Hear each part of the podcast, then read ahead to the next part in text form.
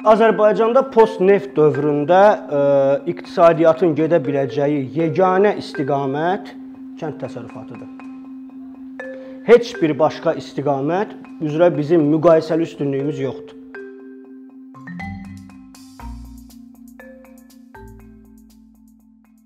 Əvvəlcə mən bir neçə disclaimer vermək istəyirəm. Birincisi budur ki, mən belə etiraf deyək buna. Birincisi budur ki, mən iqlim mütəxəssisi deyiləm. Yəni məndən ə, e, iqlim dəyişikliyi ilə bağlı hər hansı bir ə, e, belə deyək də ə, e, çox detallı əsaslandırmalar ə, mənasında gözləntilərinizi çox da yuxarı tutmayın. İkincisi mən ə, kənd təsərrüfatı mütəxəssisi də deyiləm. Yəni hər hansı bir bitkinin ə, iqlim dəyişikliyinə necə reaksiya verəcəyi və yaxud o bitkinin belə deyək də hansısa bir formada ə, 50 il sonra özünü hansı formada göstərəcəyi və s. bu suallara mən cavab verə bilməyəcəm. Mənim burada əsas iddiam ümumi siyasi iqtisad sistemindən bağlıdır və bütün iqlim dəyişikliyi, Azərbaycandakı iqtisadi vəziyyət və Azərbaycanda idarəetmə sistemi bu üçü bir yerdə bizim üçün hansı ə,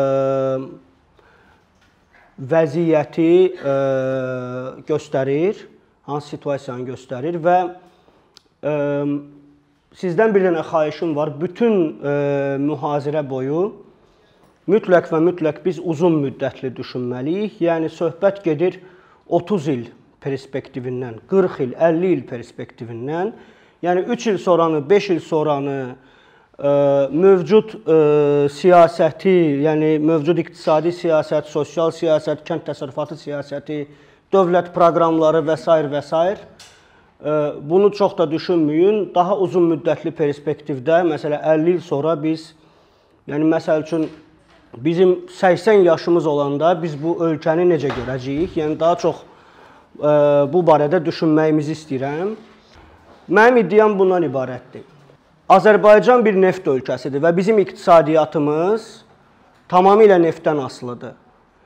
İstəyir istehsalat perspektivindən baxın, istəyir ixrac perspektivindən baxın, istəyir dövlət büdcəsinin formalaşması perspektivindən baxın, istəyirsə ölkədə gəlir paylanması və var-dövlət paylanması perspektivindən baxın, tamamilə tipik neft ölkəsiyik və neft iqtisadiyyatının yaratdığı müəyyən qaçılmaz və dünyanın hər yerində rast gəlinən fəsadlar bizdə də özünü çox açıq surətdə mübahisə olunmayacaq formada büruzə verir. Bu fəsadlar əsasən 3 formada cəmləşir.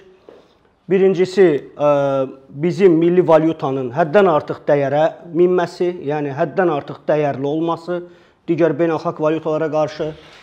İkincisi ə, rentaçılıq sistemi, yəni siz buna korrupsiya da deyə bilərsiniz, nepotizm də deyə bilərsiniz, amma qeyri-şəffaf belə deyək də xərclər sistemi iqtisadiyyatda Və üçüncüsü həddən artıq güclü dövlət iqtisadi mənada. Yəni dövlət büdcəsi ölkənin ümumdaxili məhsulunda və ümumi iqtisadi fəaliyyətində çox böyük paya sahibdir. Azərbaycan dövlət büdcəsinin bəlkə də yarısı investisiyalardan, yəni birbaşa dövlətin iqtisadiyyata yatırdığı investisiyalardan ibarətdir. Bunun da yarısı əsasən ya mən təxmini danışıram, tikintiyə, tikinti sektoruna, digər yarısı isə dövlət proqramlarına yatırılmış ə, e, vəsaitlərdir. Məsələn, siz Gürcüstanın büdcəsinə baxsaz görərsiniz ki, orada demək olar ki, dövlət dövlətin iqtisadiyyata bu formada investisiyası yoxdur.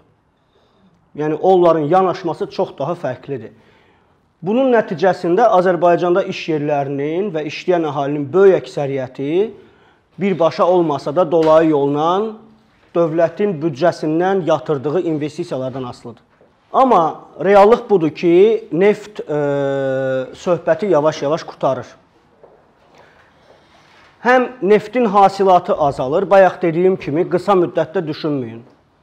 Yəni əlbəttə 5 il sonra neft qutarası deyil, 10 il sonra neft qutarası deyil. Söhbət gedir 30 il, 40 il sonra. Yəni söhbət gedir 2060-cı ildən. Yəni 2060-cı ildə Azərbaycan artıq neft iqtisadiyyatı olmayacaq. Bunun bir neçə səbəbi var. Birinci səbəbi təklif tərəfdəndir, yəni istehsalat xeyli aşağıya düşəcək. Çünki artıq bizim neftimiz demək olar ki, qutarmış olacaq. Hazırki vəziyyətlə proqnozlaşdıranda Digər tərəfdən beynəlxalq tələb məsələsi var. Yəni artıq 2060-cı ildə dünya iqtisadiyyatının böyük bir hissəsi və ə, iqtisadi tələbatı formalaşdıran ə, güclü dövlətlərin böyük bir hissəsi ə, neft tələbatı dəfələrlə aşağı düşə, düşmüş olacaq. Yəni söhbət alternativ enerjidən gedir. Ə, elə ondan gedir. Söhbət alternativ enerjidən gedir. Ona görə də uzun müddətli perspektivdə, yəni 30 il sonra Azərbaycan indi indiki asıllıq səviyyəsi ən azı ə, e, böyük bir miqdarda aşağı düşəcək və ə, e, bunu artıq ə, e, və burada bir başqa məsələ də neft qiymətlərinin, yəni beynəlxalq neftdə beynəlxalq bazarda tələbat aşağı düşəndə onun qiymətləri aşağı düşür və onun qiyməti aşağı düşəndə onda bizim gəlirlərimiz aşağı düşür. Bizim bütün iqtisadiyyat neftdən asılı olduğuna görə 2014-cü ildə neft qiymətlərinin düşməyinin fəsadlarını biz gördük. Bu perspektivdə ki, bizim iqtisadiyyat neftdən asılıdır və bunun bir sıra fəsadları var və nəzərə alsaq ki, neft yavaş-yavaş azalır uzun müddətdə 30 il sonra, 40 il sonra bizim cəmiyyət, yəni Azərbaycan cəmiyyəti və hökumətimiz alternativ iqtisadi fəaliyyət növləri müəyyən etməlidir və ora investisiyalar qoymalıdır və güclü dövlət olduğuna görə, neftə görə, iqtisadi mənada çox güclü təmərküzləşmiş dövlət olduğuna görə e, bu investisiyalarda dövlətin rolu çox böyükdür. Yəni demək olar ki, dövlət qərar verir ki, hökumət qərar verir ki, e, iqtisadiyyat post-neft dövründə hara gedəcək. Və Azərbaycanda post-neft dövründə ə, e, iqtisadiyyatın gedə biləcəyi yeganə istiqamət kənd təsərrüfatıdır heç bir başqa istiqamət üzrə bizim müqayisəli üstünlüyümüz yoxdur. Mütləq üstünlüklərimiz çoxdur. Məsəl üçün Azərbaycanda turizm də ola bilər, IT sektorda inkişaf eləyə bilər. Müəyyən mənada bəlkə manufaktura da qurula bilər. Hər halda 1-2 dənə balaca-balaca maşın zavodlarımız, fabriklərimiz var, işləyirlər, pis, yaxşı sifariş var. Məsələ müqayisəli üstünlükdən gedəndə bu o deməkdir ki, biz IT sektorunda rəqabətə dözə bilmərik Biz manufaktura sektorunda rəqabətə dözə bilmərik qonşularımızla. Biz ə, e, turizm sektorunda rəqabətə dözə bilmərik. Beynəlxalq rəqabətə. Bizim rəqabətə dözə biləcəyimiz yeganə sahə həm də o da indi yox, yəni bir 20 il, 30 il sonra kənd təsərrüfatıdır. Çünki burada bir çox vacib fərziyyə var ki, 20-30 il sonra Azərbaycan manatının dəyəri yenə də bir neçə dəfə aşağı düşəcək. Aşağı düşməsə onda da biz o rəqabətə dözə bilməyəcəyik. Amma fərz eləsək ki, neft azalacaq, bu avtomatik olaraq manatın dəyərdən düşməyi deməkdir. Onda bəli, bizim kənd təsərrüfatımız rəqabətli ola bilər. İkinci səbəb kənd təsərrüfatında ə, e, qoyulan investisiyalarda və perspektivin kənd təsərrüfatında görülməsində. İkinci səbəb budur ki, ərzaq təhlükəsizliyi məsələsi var. Və Ona görə də bu biraz həm də siyasi qərardır, siyasi strateji qərardır. Təkcə iqtisadi qərar deyil, uzun müddətli perspektivdə. Bunu bu bunu nəzərə alsaq ki, biz neft iqtisadiyyatı müəyyən fəsadları var. O fəsadlara həmçinin səmərəsiz idarə etmə də daxildir, iqtisadi olaraq bizi maraqlandırır və onun da öz təsirləri olacaq. Üçüncü bir ə, e, tərəf burada gəlir ortaya çıxır iqlim dəyişikliyi faktoru. Və iqlim dəyişikliyini artıq ə, e, biz çox rahatlıqla iqlim böhranı adlandıra bilərik. Çünki ə, e, bu gün günorta ə, noyabr ayının 6-sı siz küçəyə çıxanda mənə elə gəlir ki, bu böhranı az da olsa hiss eləməli olmalıydınız. Yəni təsəvvür eləyin ki, ə, düzdür, bu biraz ə, kontekstdən çıxardılmış nümunədir. Amma buna baxmayaraq yaxşı nümunədir. Təsəvvür eləyin ki, ə, Bərdədə, sahələrdə həşəratlar hələ ölməyiblər. Təsəvvür eləyin ki, arılar arılar artıq qış yuxusunda olmalı idi. Amma onlar yatmağa getmirlər. Salxım qurub qış yuxusuna getmirlər. Oyaqdılar, hər gün çıxırlar çölə, yem axtarırlar. Yem yoxdur, noyabr ayının 6-sıdır, çiçək filan yoxdur. Amma hava istidir. Arı yuvasında e, ya yığdığı balı yeməlidir. Balı da arıçı götürübsə, o e, məcbur olaraq şəkərlə dolandırılmalıdır. Bu nə deməkdir? Bu o deməkdir ki, əgər arıçı, əgər hava belə davam eləsə, mən hələ arıçılıq belə deyək də kənd təsərrüfatında ən az pay olaraq ən az dəyərə sahib olan sahədir. Baxmayaraq ki, onun ümumi təsiri çox böyükdür, tozlanmaya və s. Sadəcə bu arıya 1 ay müddətində arıçı şəkər yedizdirsə, bu gəlib ayda 30 kiloqram şəkərə çıxacaq. Ən azı bir yeşiyə.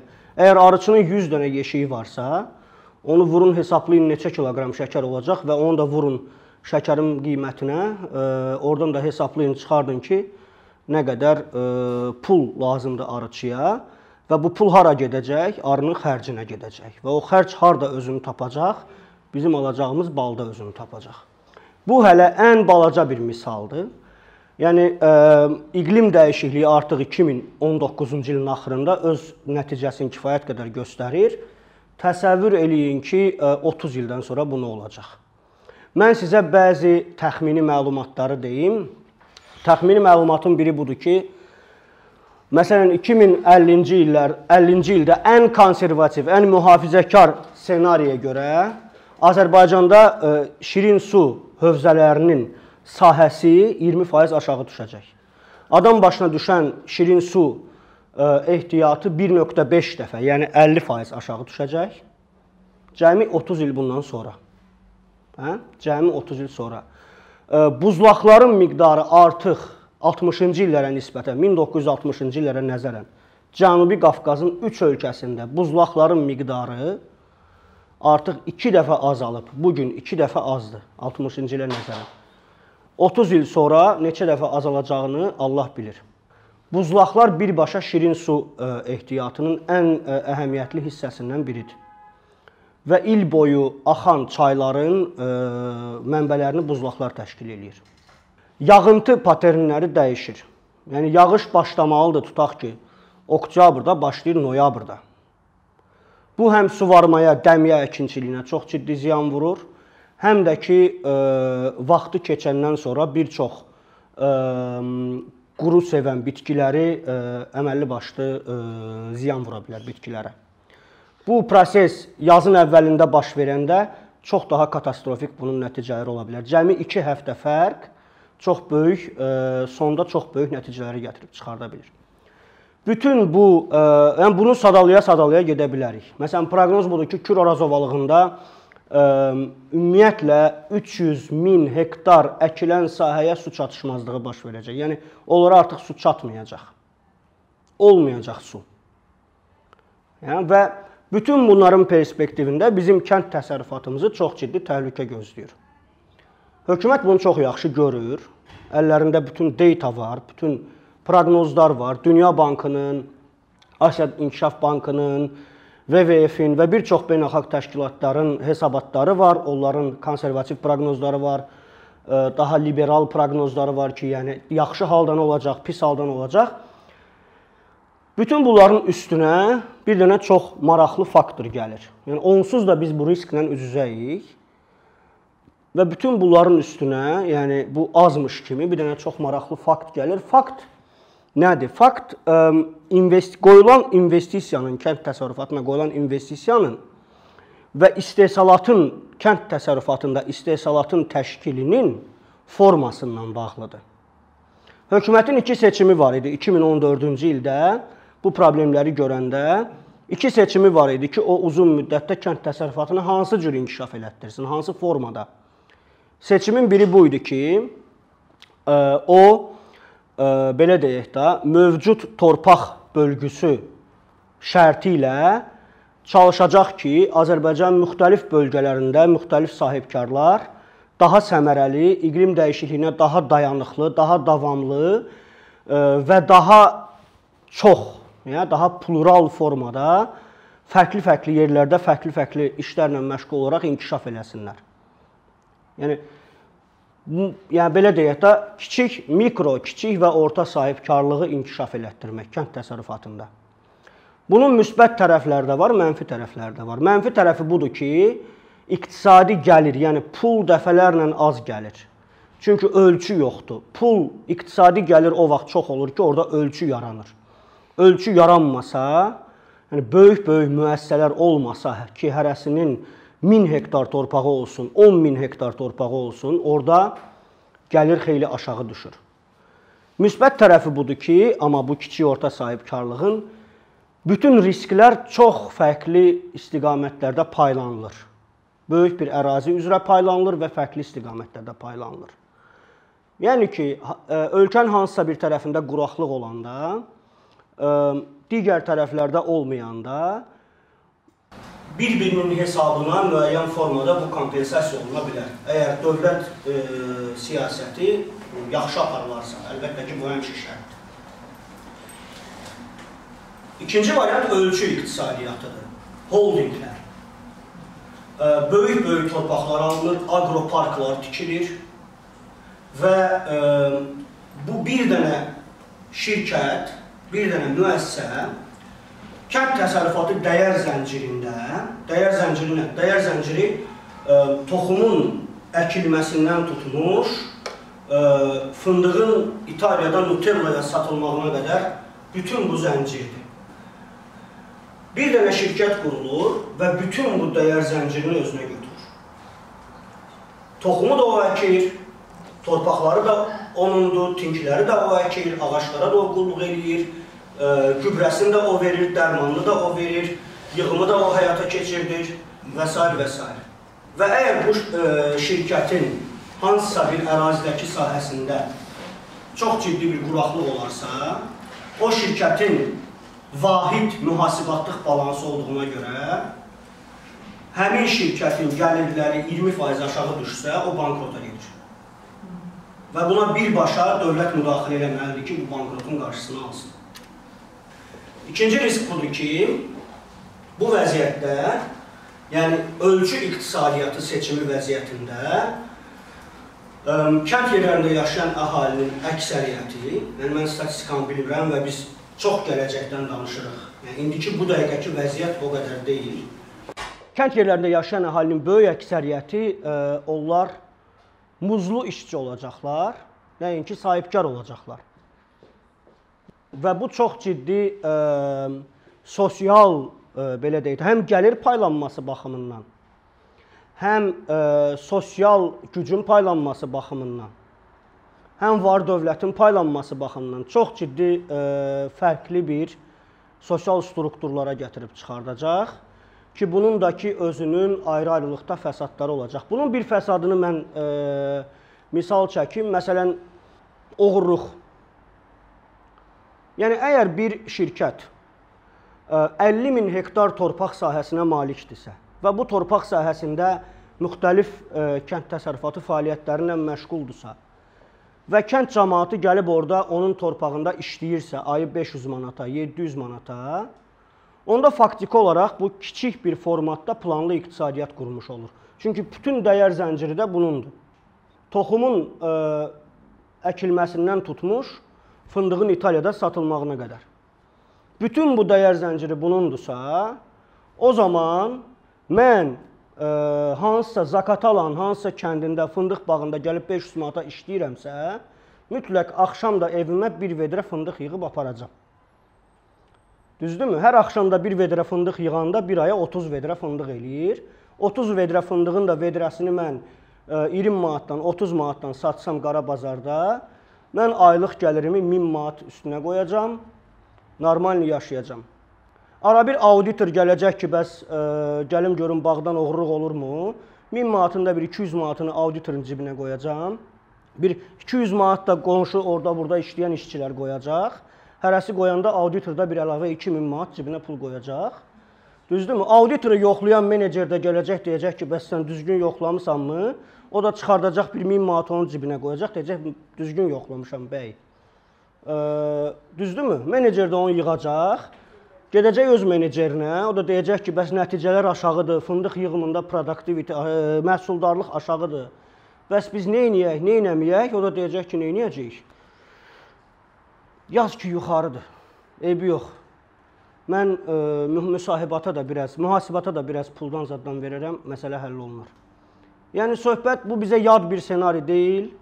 Ə, illərdir, ə, ta 50-ci illərdən bizdə biz bunun ustadıyıq, yəni biz bu işi bilirik və ə, hansısa şirkətin, hansısa holdinqin rəhbərliyində ə, Harvardın, Stanfordun MBA-ni oxuyub gəlmiş adamın oturmağıyla bunun qarşısını almaq mümkün olmayacaq. Çünki bunun nəticəsi sosial ə, münasibətlərin, iqtisadi münasibətlərin nəticəsində baş verir ə, hansısa ə, biznes кейslərin şirkətə tətbiq olunmağından ə, baş vermir, çox daha mürəkkəb məsələlərdir və ə, belə bir səmərəsiz idarə etmə əgər olacaqsa, o zaman ə, bizi iqlim dəyişiklikləri ə, riskləri qarşısında mən düşünürəm ki, çox ciddi iqtisadi fəsadlar gözləyir. Hətta biz əsas məqsəd olan ərzaq təhlükəsizliyini belə təmin edə bilməyəcəyik, ola bilər.